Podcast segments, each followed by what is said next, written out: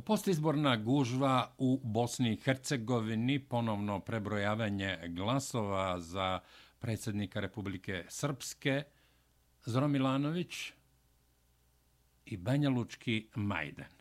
O tome i drugim temama danas razgovaramo sa Dževadom Galijaševićem, ekspertom za bezbednost i borbu protiv terorizma i analitičarem društvenih odnosa. Dževade, dobro veče i dobrodošli na talase Srpskog radija Čikago.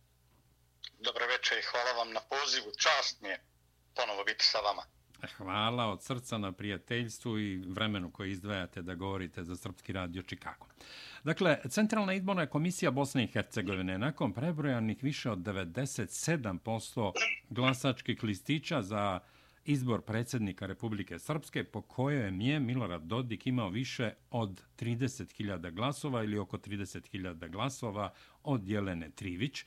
Umjesto da prebroji 100% glasačkih listića i proglasi pobednika, Centralna izborna komisija podleže protestu opozicije i ko zna kome i nalaže ponovno prebrojavanje glasačkih listića za predsjednika i podpredsjednika Republike Srpske, potpuno neostavno. Ponovno prebrojavanje je u toku u Sarajevu i pokušava se oduzeti pobeda Miloradu Dodiku. Šta se to dešava u Bosni i Hercegovini?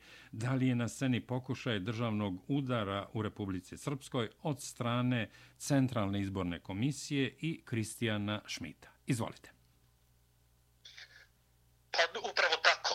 Ovo jeste pokušaj državnog udara, ovo je pokušaj uh, rušenja institucija sistema, rušenja zakona, rušenja ustavnog položaja naroda, i entiteta i rušenja samog, dakle, Dejtonskog sporazuma. Ono što jeste u pozadini svega jeste činjenica da su odluke ovakve izborne komisije u stvari ja bih rekao obavještajni projekat. One, one uopšte nisu usklađene sa zakonom, nemaju veze sa zakonodavstvom da bi uopšte prihvatio se neki zahtjev za ponovno brojanje, izborna komisija je upravo morala proglasiti preliminarne rezultate, ući u takozvane žalbene procedure, izjasniti se o žalbama uloženim na sam tok proces glasanja ili e, kršenja izbornih procedura na pojedinim mjestima i nakon toga eventualno donijeti odluku o tome da li negdje treba ponovo brojati ili ne treba. Međutim, na čelu izborne komisije je čovjek iz odbrane i bezbjednosti. To nije čovjek iz zakona. Dakle, Suad Arnautović, e, zvani Sudo Arnaut, e, kao što mu prezime kaže, e,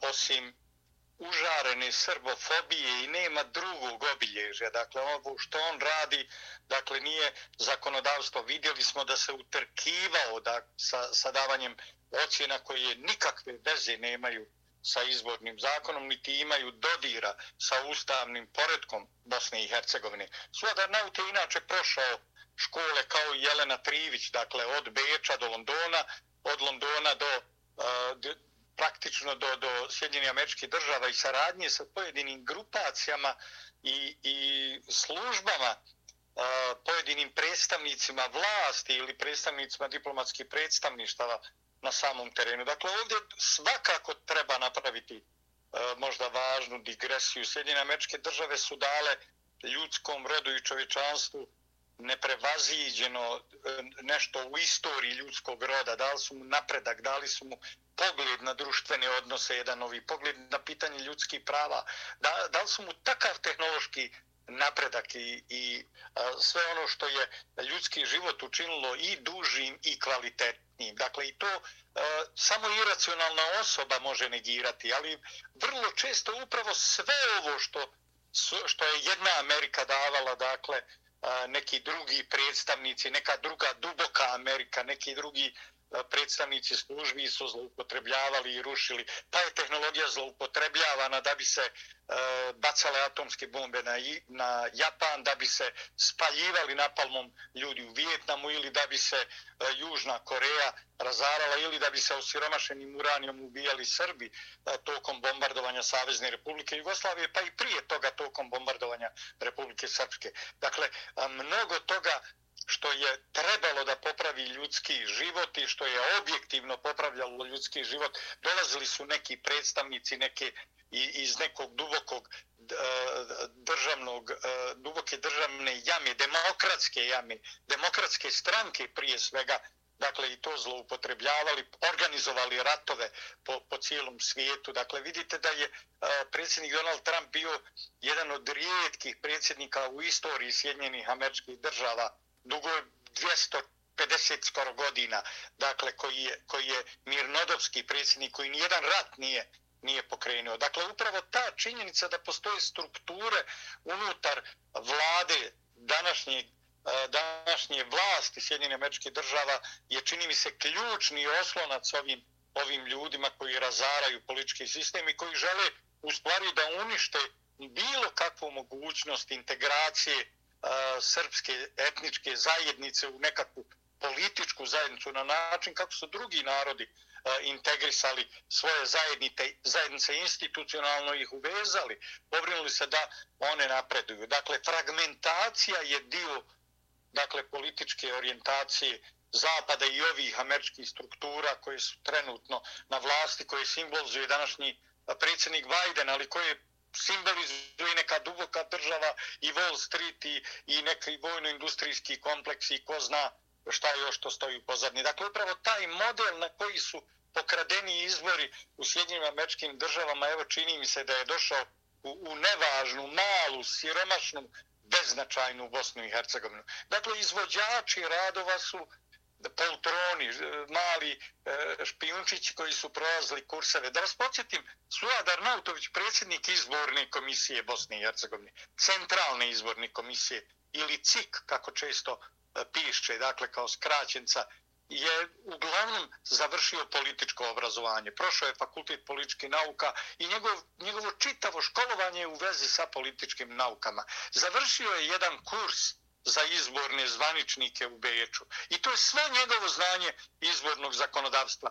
Završio je drugi kurs uh, o, o upravljanju procedurama u Londonu, u Britaniji naredne 2012. godine, 2011. u Beču ovo završio. Dakle, a radio je prije rata u Titovom sekretarijatu, republičkom sekretarijatu narodne odbrane. Bio je Titov oficir, Dakle, radio je u federalnom ministarstvu unutrašnjih poslova tokom rata i posle rata, pa je bio i alin policajac. Dakle, čovjek iz bezbjednostno-odbrambenog sektora, vojno policijski službenik, čitav život, čovjek koji je uređivao jedan bezbjednostni časopis, e, navodno nezavisan, ali koji je finansiralo e, federalni MUP, e, MUP odnosno Ministarstvo unutrašnjih poslova muslimansko-hrvatske federacije, dakle, u kojoj on radio. Bio je šefi kabineta, bio je na čelu odjeljenja u policiji. Dakle, zamislite da na čelu izborne komisije do, dovedu takvu osobu. Mi nismo vidjeli, dakle, e, režiju koja se pravila dvije godine, koja je pokrenuta dvije godine prije ovih izbora, odmah nakon lokalnih izbora i nismo vidjeli da je izborna komisija, dakle, puno Britanaca, puno ljudi koji su prošli britanske škole okupila unutar sebe, da je kandidat Jelena Trivić bila taj britansko-američki kandidat, da je njena kampanja finansirana iz e, američkih izvora, da je e, majka služba, dakle ona najveća, najvažnija e, nacionalna bezbjednostna agencija NSA, da je u stvari George Davis kao direktor centralne njene strukture E, državne zajednice unutar službe, dakle da je da je napravio čak i operativnu zabilješku o kontaktima sa Jelenom Trivić, procjenu bezbjednostnu, dakle i utvrdio pravila i principe saradnje. Dakle, kad pogledate svu tu činjenicu, vidite da su se na poništenju izvora našli ljudi duboko povezani sa onim najgorim što Zapad predstavlja. Dakle, Zapad ima veličanstvenih E, uspona istorijskih, ekonomskih, e, humanih i tako dalje, ali ovo što radi od 90-ih godina, od, od razaranja e, zajedničkog prostora, razaranje Jugoslavije se u stvari pretvorilo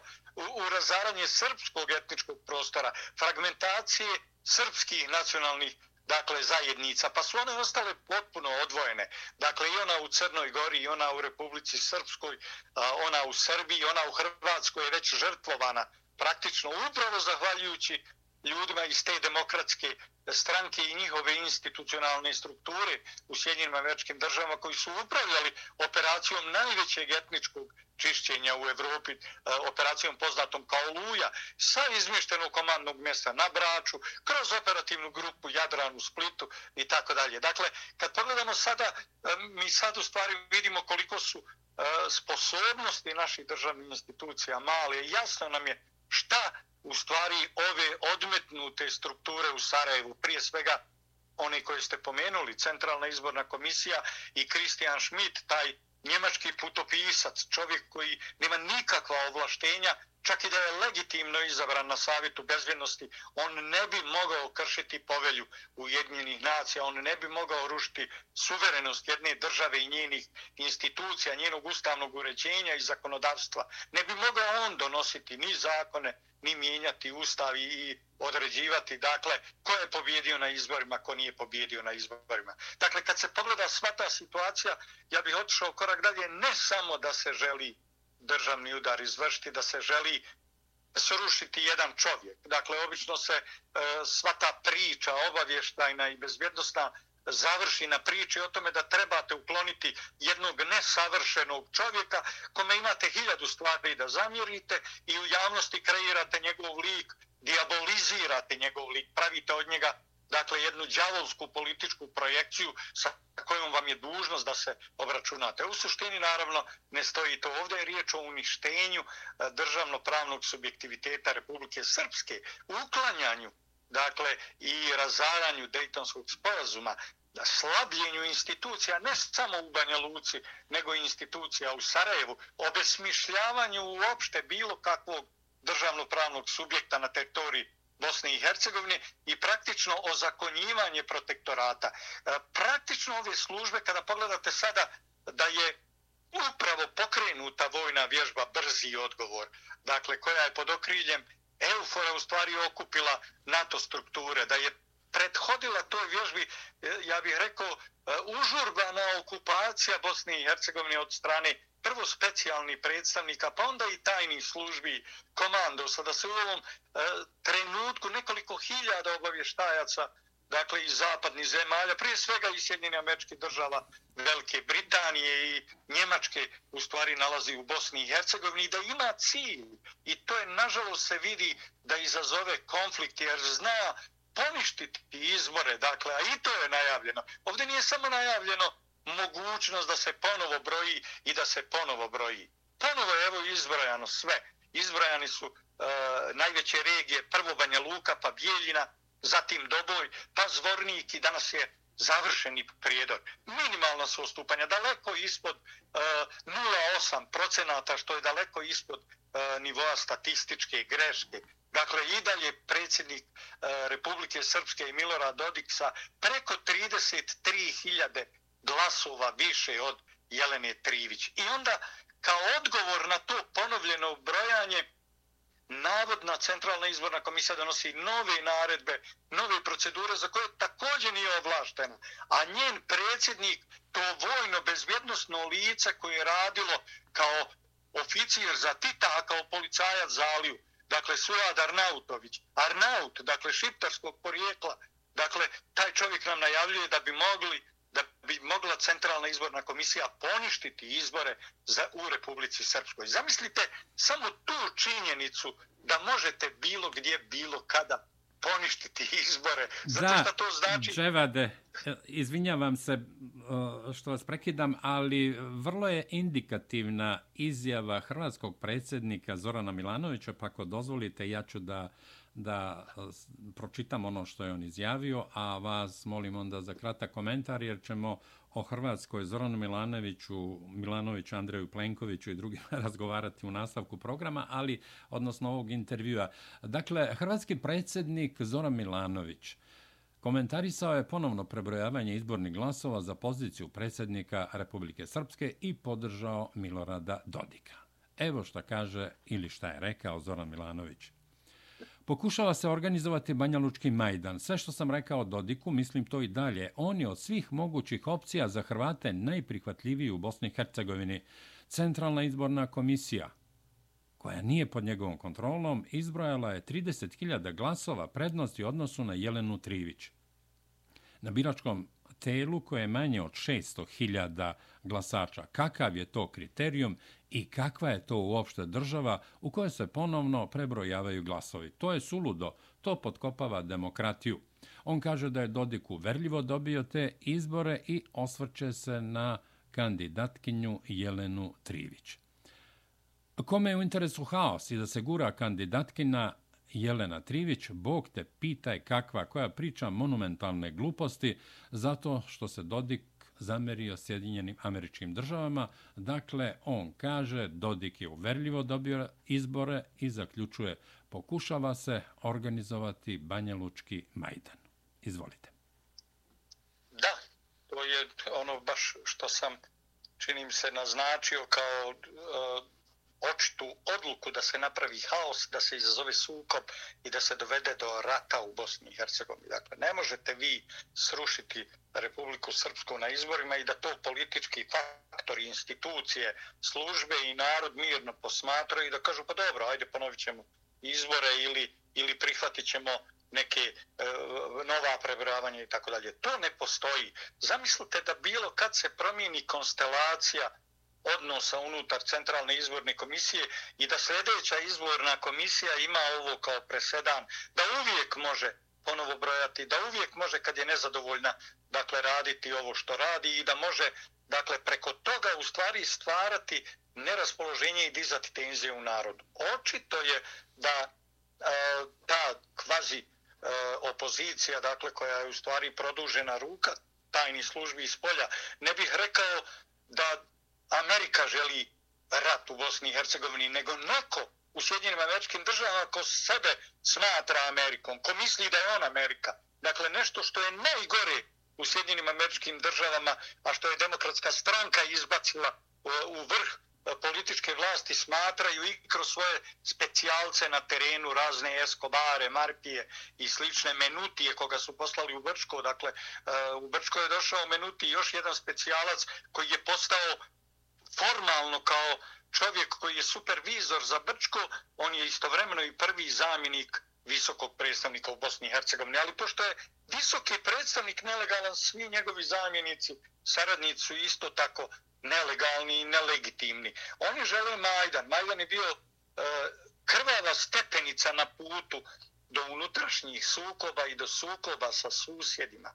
Zar iko normalan misli da će Hrvatska stojati po strani i gledati kako bošnjačka većina, politička i etnička, vjerska, dakle gazi e, Hrvate u nekom budućem sukobu. Pa to je besmislica. To je o tome upravo govori Milanović. Zato je njemu e, predsjednik Milorad Dodik najprihvatljiviji. Dodik je u stvari shvatio šta je problem u odnosu i komunikaciji sa međunarodnom zajednicom. Uvijek se izolovalo Srbe, pa se onda obračunavalo sa njima, njihovim institucijama, sa njihovom državom. Dakle, on nije dozvolio da bude izolovan. On je u stvari na svoju stranu pridobio hrvatski politički faktor, objašnjavajući hrvatskom političkom faktoru da to što se svakodnevno dešava Srbima, da će se dešavati i njima. Hrvati su već bili upoznati da im se to dešava od vremena Wolfganga Petrića koji je mijenjao, mijenjao ustav da bi e, e, praktično osporio konstitutivnost hrvatskog naroda do e, varijanti zamjena iz SDP-a Hrvata poput Joze Križanovića koji je prvi došao i evo sada četvrtog mandata Željka Komšića. Da, dakle, Dževade, Dževade izvinjavam se, za naše slušalce, verovatno mnogi nisu informisani, treba reći da je na ovim izborima za člana predsjedništva Bosne i Hercegovine iz redova hrvatskog naroda Hrvatima ponovo bošnjaci biraju i izabrali su člana predsjedništva Bosne i Hercegovine Željka Komšića, za koga Hrvatski narodni savez ili sabor, već kako se zovu, traži da bude proglašen personom non grata u opštinama Federacije Bosne i Hercegovine sa hrvatskom većinom. Dakle, potpuno suluda situacija, konfuzija da ne može biti veća. Da, upravo dakle na tu na taj problem sa kojim će se Hrvati suočavati dugoročno e, ukazano je, ranije oni su shvatili da su izigrani. Dakle, Željko Komšić već četvrti mandat treba da, da troši dakle, u ime Hrvata. U stvari, čitav njegov kabinet je radikalno muslimanski, radikalno islamski. Pogledajte samo ministra odbrane Sifeta Pođića koji dolazi iz njegove Komšićeve stranke. Kakve veze on ima sa Hrvatima, dakle, i ta stranka kakve veze ima? Pogledajte i druga lica, e, neka lica supruga Senada Avdića, onog, onog e, pijanog e, novinara Portalčića, danas Slobodne Bosne, dakle takozvani Slobodni Bosni, e, koja je ambasador bila u Španiji pa je prebačena u drugu evropsku zemlju i tako dalje. Sve sto lica koja nisu nikakve veze sa Hrvatima nema. On je u stvari uzurpirao hrvatsku političku poziciju da bi E, bio u stvari antihrvatski član predsjedništva. Dakle, mi u ovom slučaju imamo bošnjačkog člana predsjedništva, izabranog bošnjačkog člana predsjedništva, to je Denis Bećirović koji je ubjedljivo pobjedio Bakira Izetbegovića. Imamo srpskog člana predsjedništva, ubjedljivo je pobjedila sa preko 100.000 glasova zamjenica predsjednika e, SNSD-a Milorada Dodika, Željka Cvijanović, dosadašnja predsjednica Republike Srpske, dakle, e, i one je srpski član predsjedništva. I imamo, e, dakle, pored bošnjačkog i srpskog člana predsjedništva, imamo antihrvatskog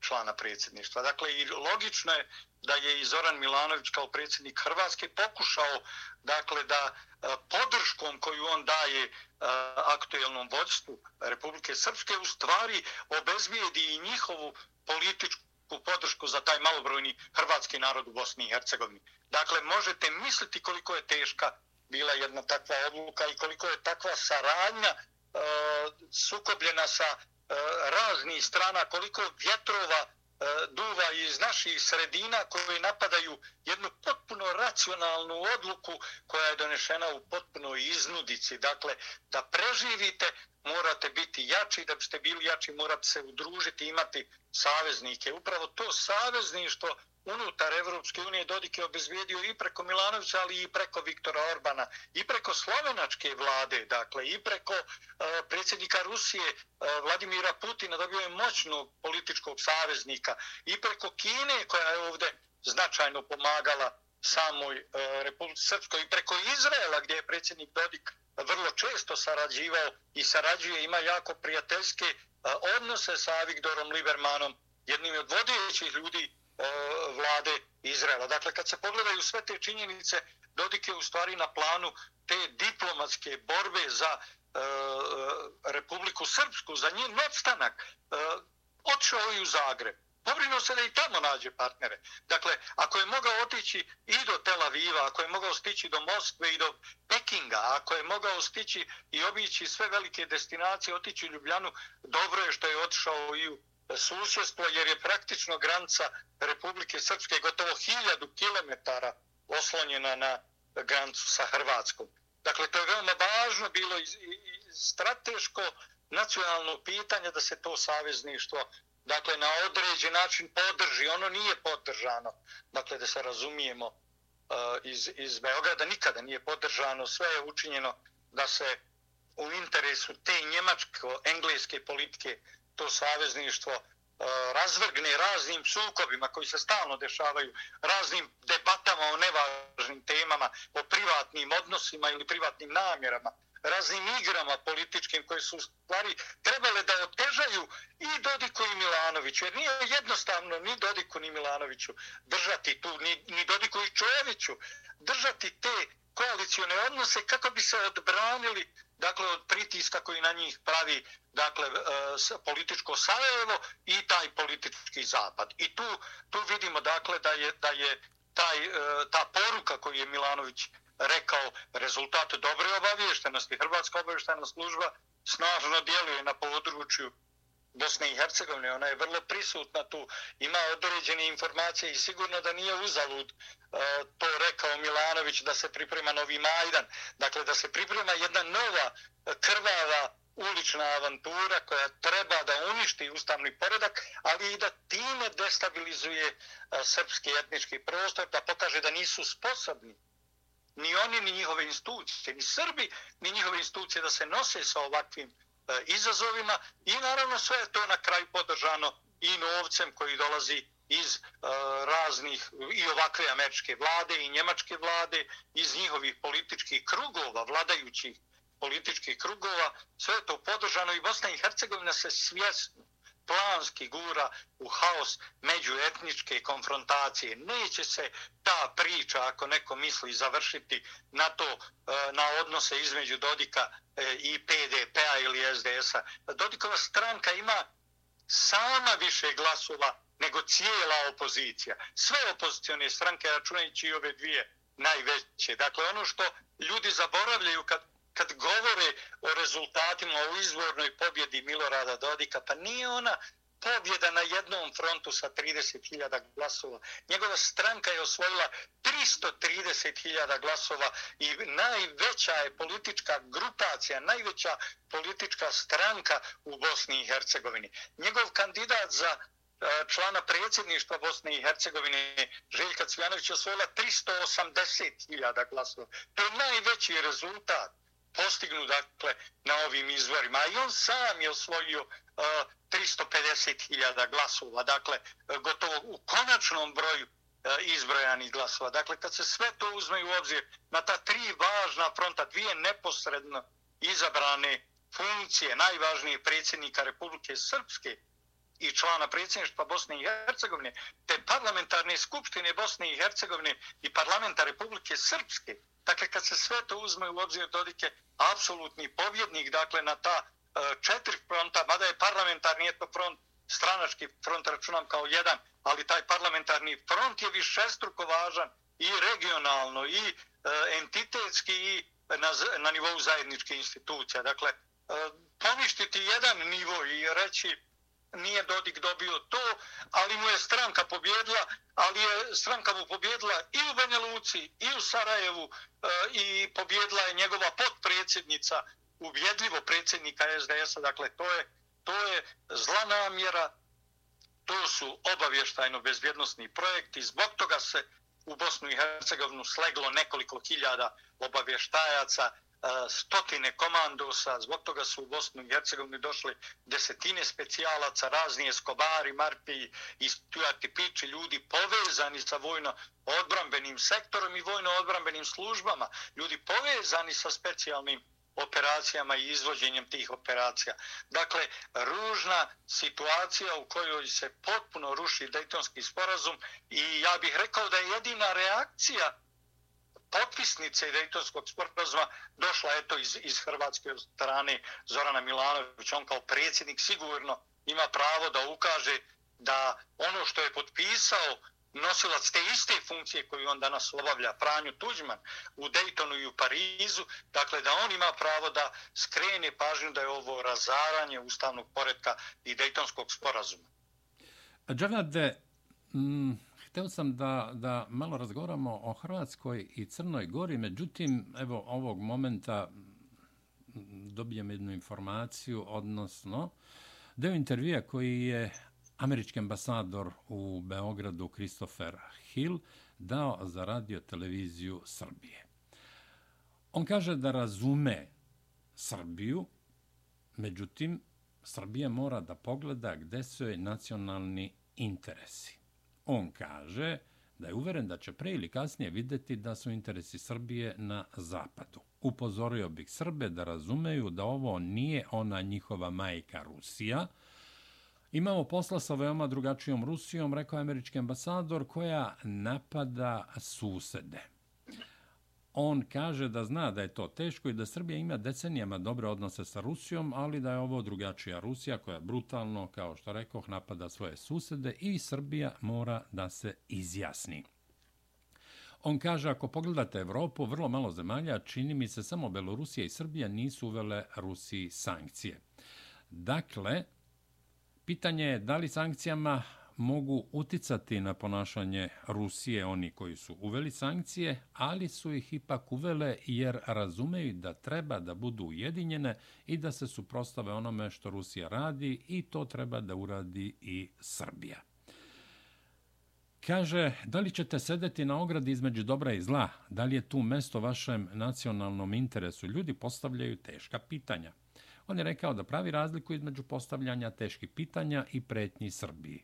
Nema puno takvih zemalja u Evropi koje su se zaustavile na osudi Rusije, već su se priključile sankcijama i da Srbija mora na tome da poradi. Pored toga, on je rekao da ako Srbija uvede sankcije, da će Sjedinjene američke države gledati da pomognu Srbiji i da obezbede dobavljače energenata. Želimo da radimo na tome sa Srbijom. Američke kompanije su vrlo zainteresovane da Srbija pronađe dodatne ponuđače energenata kako ne bi živela pod ucenom kakva dolazi iz Rusije. Dakle, rekao je još, još to šta ambasador Hill, pa evo, ako je moguće kratko da komentarišete ovo što govori pa, ambasador Hill. Ja, ja, ću vam, ja ću vam jednu, jednu ličnu impresiju koja je ovako prilično ovaj možda možda i nije ni, ni najprimjerenija, ali vi ćete mi to oprostiti naravno. Ja sam vrlo često u političkim sukobima, dakle bio i sa onom uh, antisrpskom komunističkom strukturom u Centralnom komitetu Savjeza komunista, zbog čega sam bio i proganjan i od Savjeza komunista u to doba. A bio sam i sa Alijom koji je uh, na, na antisrpstvu i srbofobiji gradio Uh, Eh, vlastiti i politički i etnički identitet. Eh, eh, bio sam, dakle, i danas i uvijek sam uočavao, zato što za mene je bilo tragično da se bošnjaci odreknu onoga što su Srbi kao identitet stvarali na, na Balkanu. To jeste pitanje. Šta su Srbi ako se ne bore za slobodu? Šta su Srbi ako nisu slobodni? Šta su Srbi ako nisu spremni donijeti slobodu i svojim komšijama, svojoj sabraći do jučerašnjoj koja se spletom istorijskih i geopolitičkih okolnosti i djelovanja imperialnih sila odvojila i pošla nekim drugim putem. Dakle, Srbi su potome bili veliki narod. Ovo što Hill govori Srbiji, dakle, mogao je e, objasniti i e, koja drva Srbija da koristi, koje sapune da kupuje, mogao je objasniti e, kako da koliko dugo da koristi, šta i, i tako dalje. Pa pogledajte koliko je tu operativnih prijedloga koje treba vlada da radi i koliko je tu sugestija. To je zločinački nastup e, Kristofera uh, Hila i kukavičko ćutanje uh, političkih institucija i vlasti u Srbiji, kukavičko ćutanje medija u Srbiji. Dakle, on vama, Christopher Hill, kaže izaberite između dobra i zla, uvedite sankcije. Što treba Srbiji da uvede? Zašto Srbija treba da uvede sankcije? Pa upravo da Hillu i tim uh, predstavnicima te vrste diploma, te strane američkog lica, dakle, uh, da pokaže da je, pa zapad je i treba onda uvesti sankcije. Onda se sankcije uvode onome ko, ko je zao, Vi ste onda dobri, Srbi su bili zli, pa im su im uvedene sankcije. Danas su Rusi zli, pa im i Srbi uvode sankcije. Pa zamislite koje je to obezvređivanje slobodarskog otpora 99. godine, najvećoj svjetskoj uh, vojnoj mašineriji u istoriji ljudskog roda, koji je Savezna republika Jugoslavija, odnosno Srbija, pružila. Pogledajte, uh, razmislite o tome da je tada na Srbiju palo 420.000 granata i projektila, od toga mnogi sa osiromašenim uranijom, preko 230.000 tona, da je svaki dan padalo uh, preko uh, gotovo, gotovo 500 kasetnih bombi na gradove u Srbiji, preko 4.000 kasetnih bombi, da je 1390 uh, e, krstarećih raketa palo na Srbiju, što je više nego za svo vrijeme trajanja specijalne operacije što je Rusija opalila na, prema Ukrajini. Dakle, zamislite to i onda vam kaže izaberite između dobra i zla. Ova Amerika je e, najveće zlo koje koristi krupni kapital, koje koristi vojno-industrijski kompleks, koje koristi duboka država, koje koriste neki menadžeri, biznismeni raznih IT i farmaceutskih lobija i tako dalje. Dakle, to je zlo. Biti sa tim zlom ili balansirati između onoga što je u stvari tradicionalno iskonsko prijateljstvo. Zar može Srbija zaboraviti da je čitava jedna kraljevska porodica istrebljena zato što je velika Rusija uh, odmah ušla u prvi svjetski rat zbog, zbog Srbije, odmah objavila rat Austro-Ugarskoj i Njemačkoj, odmah zato što je napadnuta Srbije.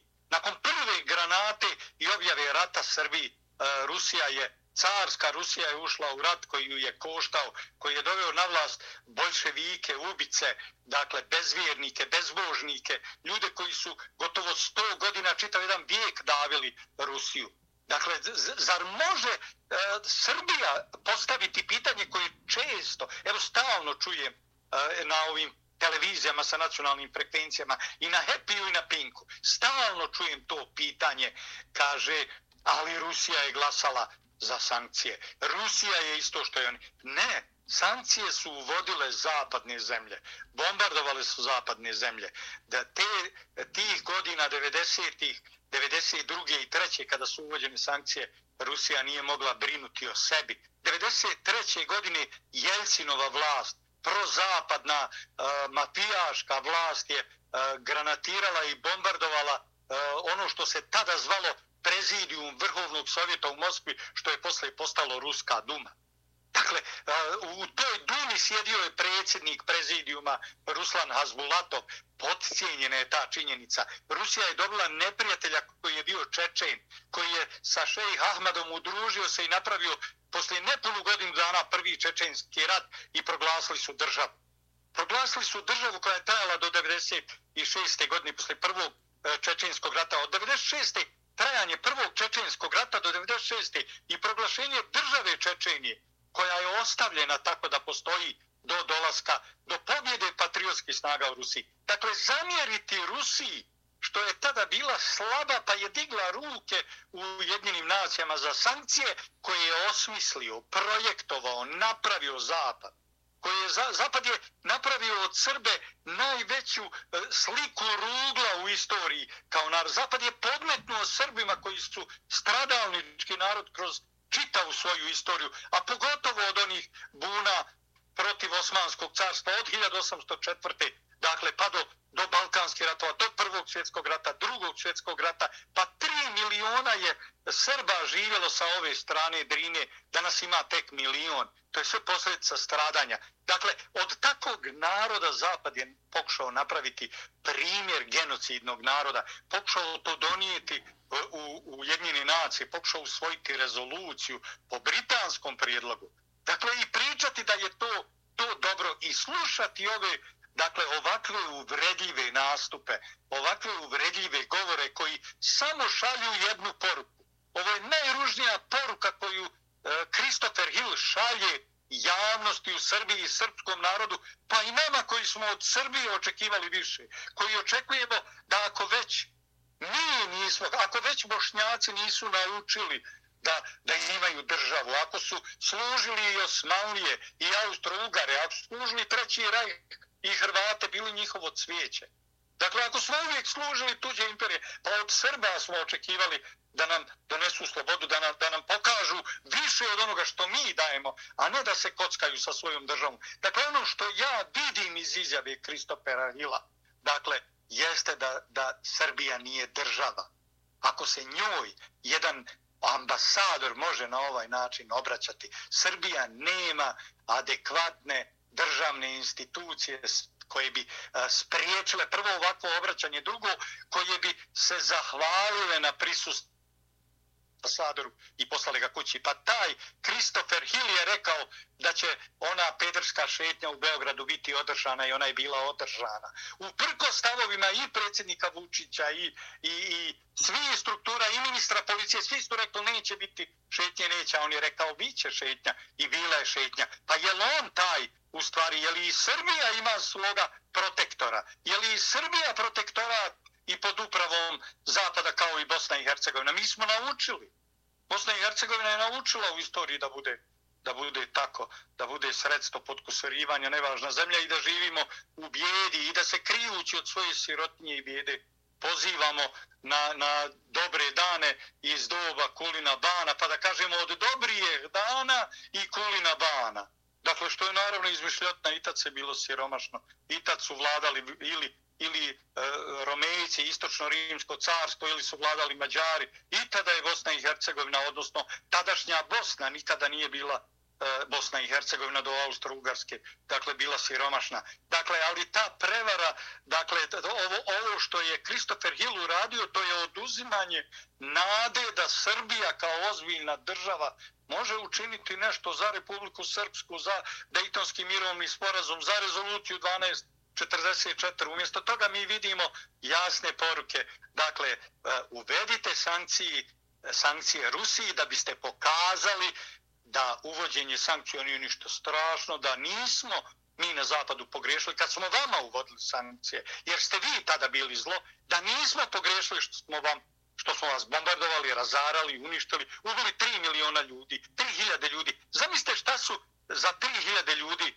šta je šta su Sjedinjene američke države uradili kada su 11. septembra islamski fanatici uz podršku nekih odmetnuti struktura u samom Vašingtonu i u demokratskoj stranci, kada su ubili 3000 Amerikanaca.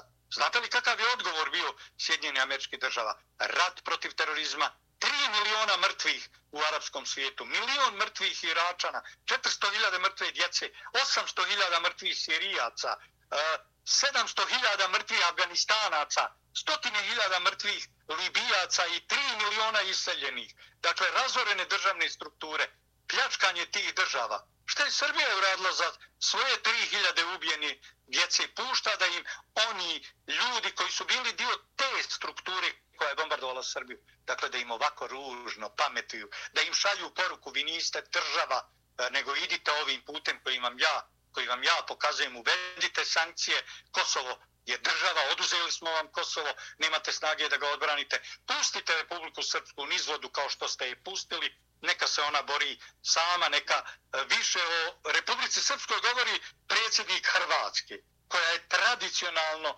antisrpska u svojoj politici, neka oni malo brane Republiku Srpsku više od Srbije i pustite Srbe u Crnoj Gori nizvodu, držite se Šiptara Dritana, veličajte njegovu ulogu, veličajte sve ovo što radi. To je strašno uh, istorijsko razočarenje. Dakle, ovaj govor je za mene uh, preduboko istorijsko razočarenje u moja lična politička uh, očekivanja nekoga koji je obrazovan na ideji slobode prateći E, srpski narod kroz, kroz istoriju i razumijevajući njegovu tu veličanstvenu borbu. Šta je prvi svjetski rat bez Kajmak Čalana, bez veličanstvenih srpskih pobjeda? Šta je drugi svjetski rat bez srpskih e, boraca, bez e, 80% e, antifašiškog pokreta, dakle je u stvari su bili Srbi iz Like, Banije, Korduna, Dalmacije, iz Bosanske krajine, iz Kninske takozvane krajine i tako dalje, iz Slavonije, e, iz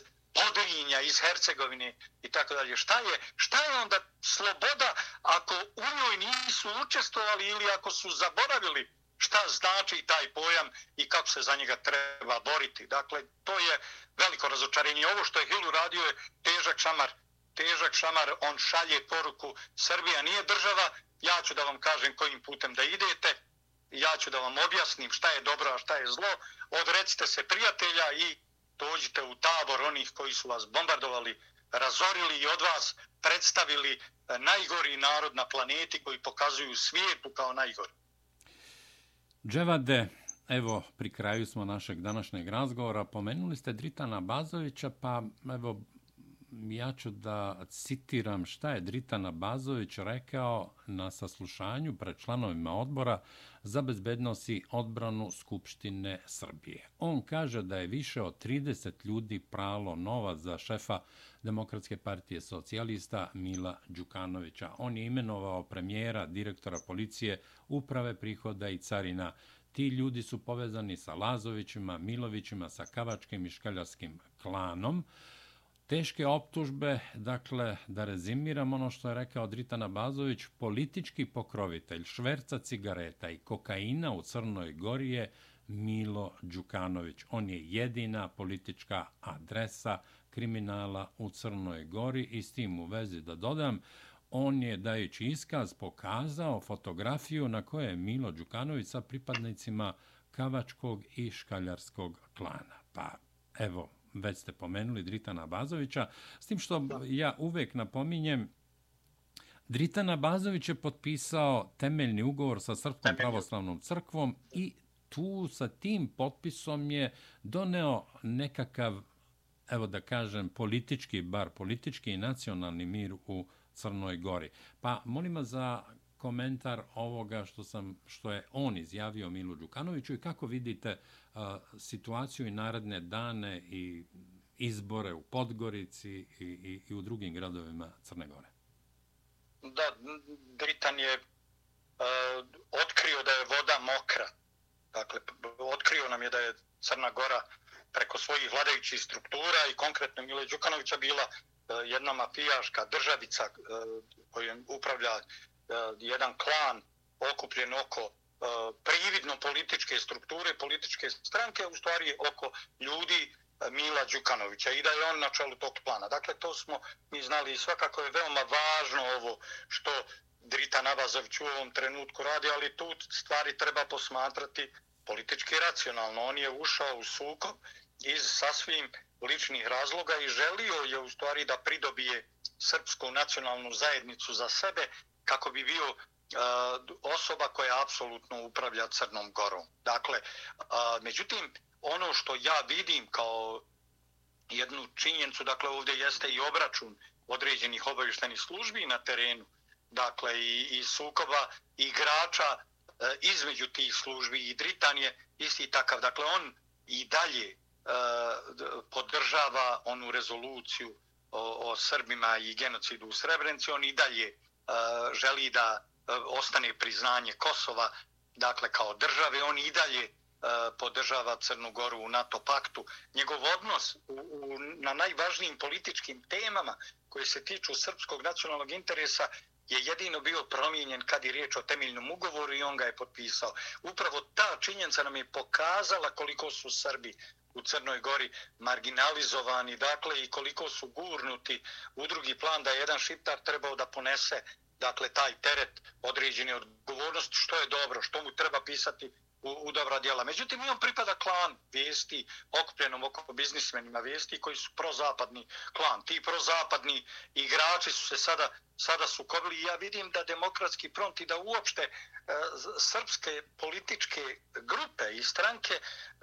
u Crnoj Gori u stvari nisu bez rezerve. Upravo su na ovaj način razmišljali o Dritanu Abazoviću, a to je razmišljati o njemu sa određenom rezervom. Dobro je da on vodi ovu bitku, međutim cilj i, i srpske političke zajednice jeste da oni ne budu narod drugog, da Srbi ne budu narod drugog reda da a, stranke koji su pobjedile, koalicija koja je pobjedila, ima pravo da ima ministra u vladi.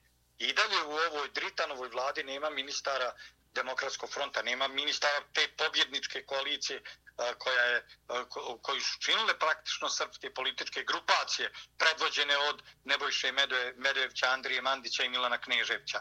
Dakle, sva ta činjenica nas vraća na samo oprez oko, oko e, uloge e, Drita Nabazovića koji se u stvari sukobio sa Milom Đukanovićem. Mi ne znamo e, šta je stvarni izvor sukoba mi, nama se čini da je taj sukob eskalirao potpisivanjem temeljnog ugovora, ali a, sukobi su uvijek zbog konkretnih interesa, uvijek je tu novac, uvijek je tu materijalni interes, nekretnine i određeni poslovi. Dakle, mi ne znamo šta je tu ko i kome pokvario i zašto je ovaj sukob eskalirao do toga da su E, oni praktično ugroženi jedan od drugoga, da, da je Dritan ugrožen od te mafijaške strukture, jer ako Milo Đukanović upravlja škaljarcima i kapčanima, bit će teško sačuvati glavu Dritana Abazovića u takvoj Crnoj Gori.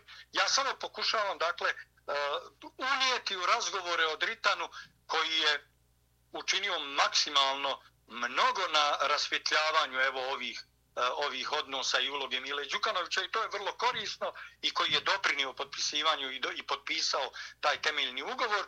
Dakle, da, da ipak treba imati rezervu u smislu odakle on dolazi i koji je njegov politički koncept. On je u načelu ostao antisrpski politički koncept, iako je, e, dakle, prišao e, Srpskoj pravoslavnoj crkvi u Crnoj Gori koja je koja je vrlo uticajna u Crnoj Gori, bez koje se Dakle, e, ne može steći određena stabilnost države Crne Gore, on je to shvatio i, i potpisao nešto što je najavljivano, pripremano, modifikovano i tako dalje. On je to uradio i to sigurno, to sigurno zasluge mu pripadaju Zato kao i za ovaj sukob i ovaj govor e, dakle, o Mili Đukanoviću. Samo sam pozivao na, na rezerve u ovom smislu. NATO pakt, dakle, odnos prema e, događajima u Srebrenici, treće odnos prema kosovskoj državnosti, dakle tu E, nema, nema pomaka nikad je riječ oko njega i sigurno je da insistiranje ovih ove tri srpske partije na novim izborima e, na kojima oni sigurno računaju na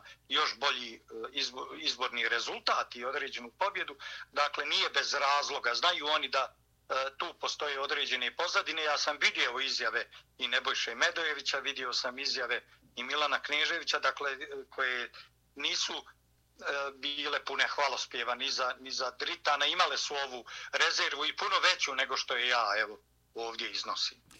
Dževade, hvala vam što ste govorili za Srpski radio Čikago. Želim vam svako dobro. Pozdravite vašu porodicu, vaše prijatelje koji vas podržavaju i još jedan put od srca hvala. Hvala vam. Živi i zdravi bili. Hvala vam lepo. Poštovani slušalci, poštovani pratioci našeg YouTube kanala, gost Srpkog radija Čikago bio je gospodin Dževad Galijašević, ekspert za bezbednost i borbu protiv terorizma i analitičar društvenih odnosa.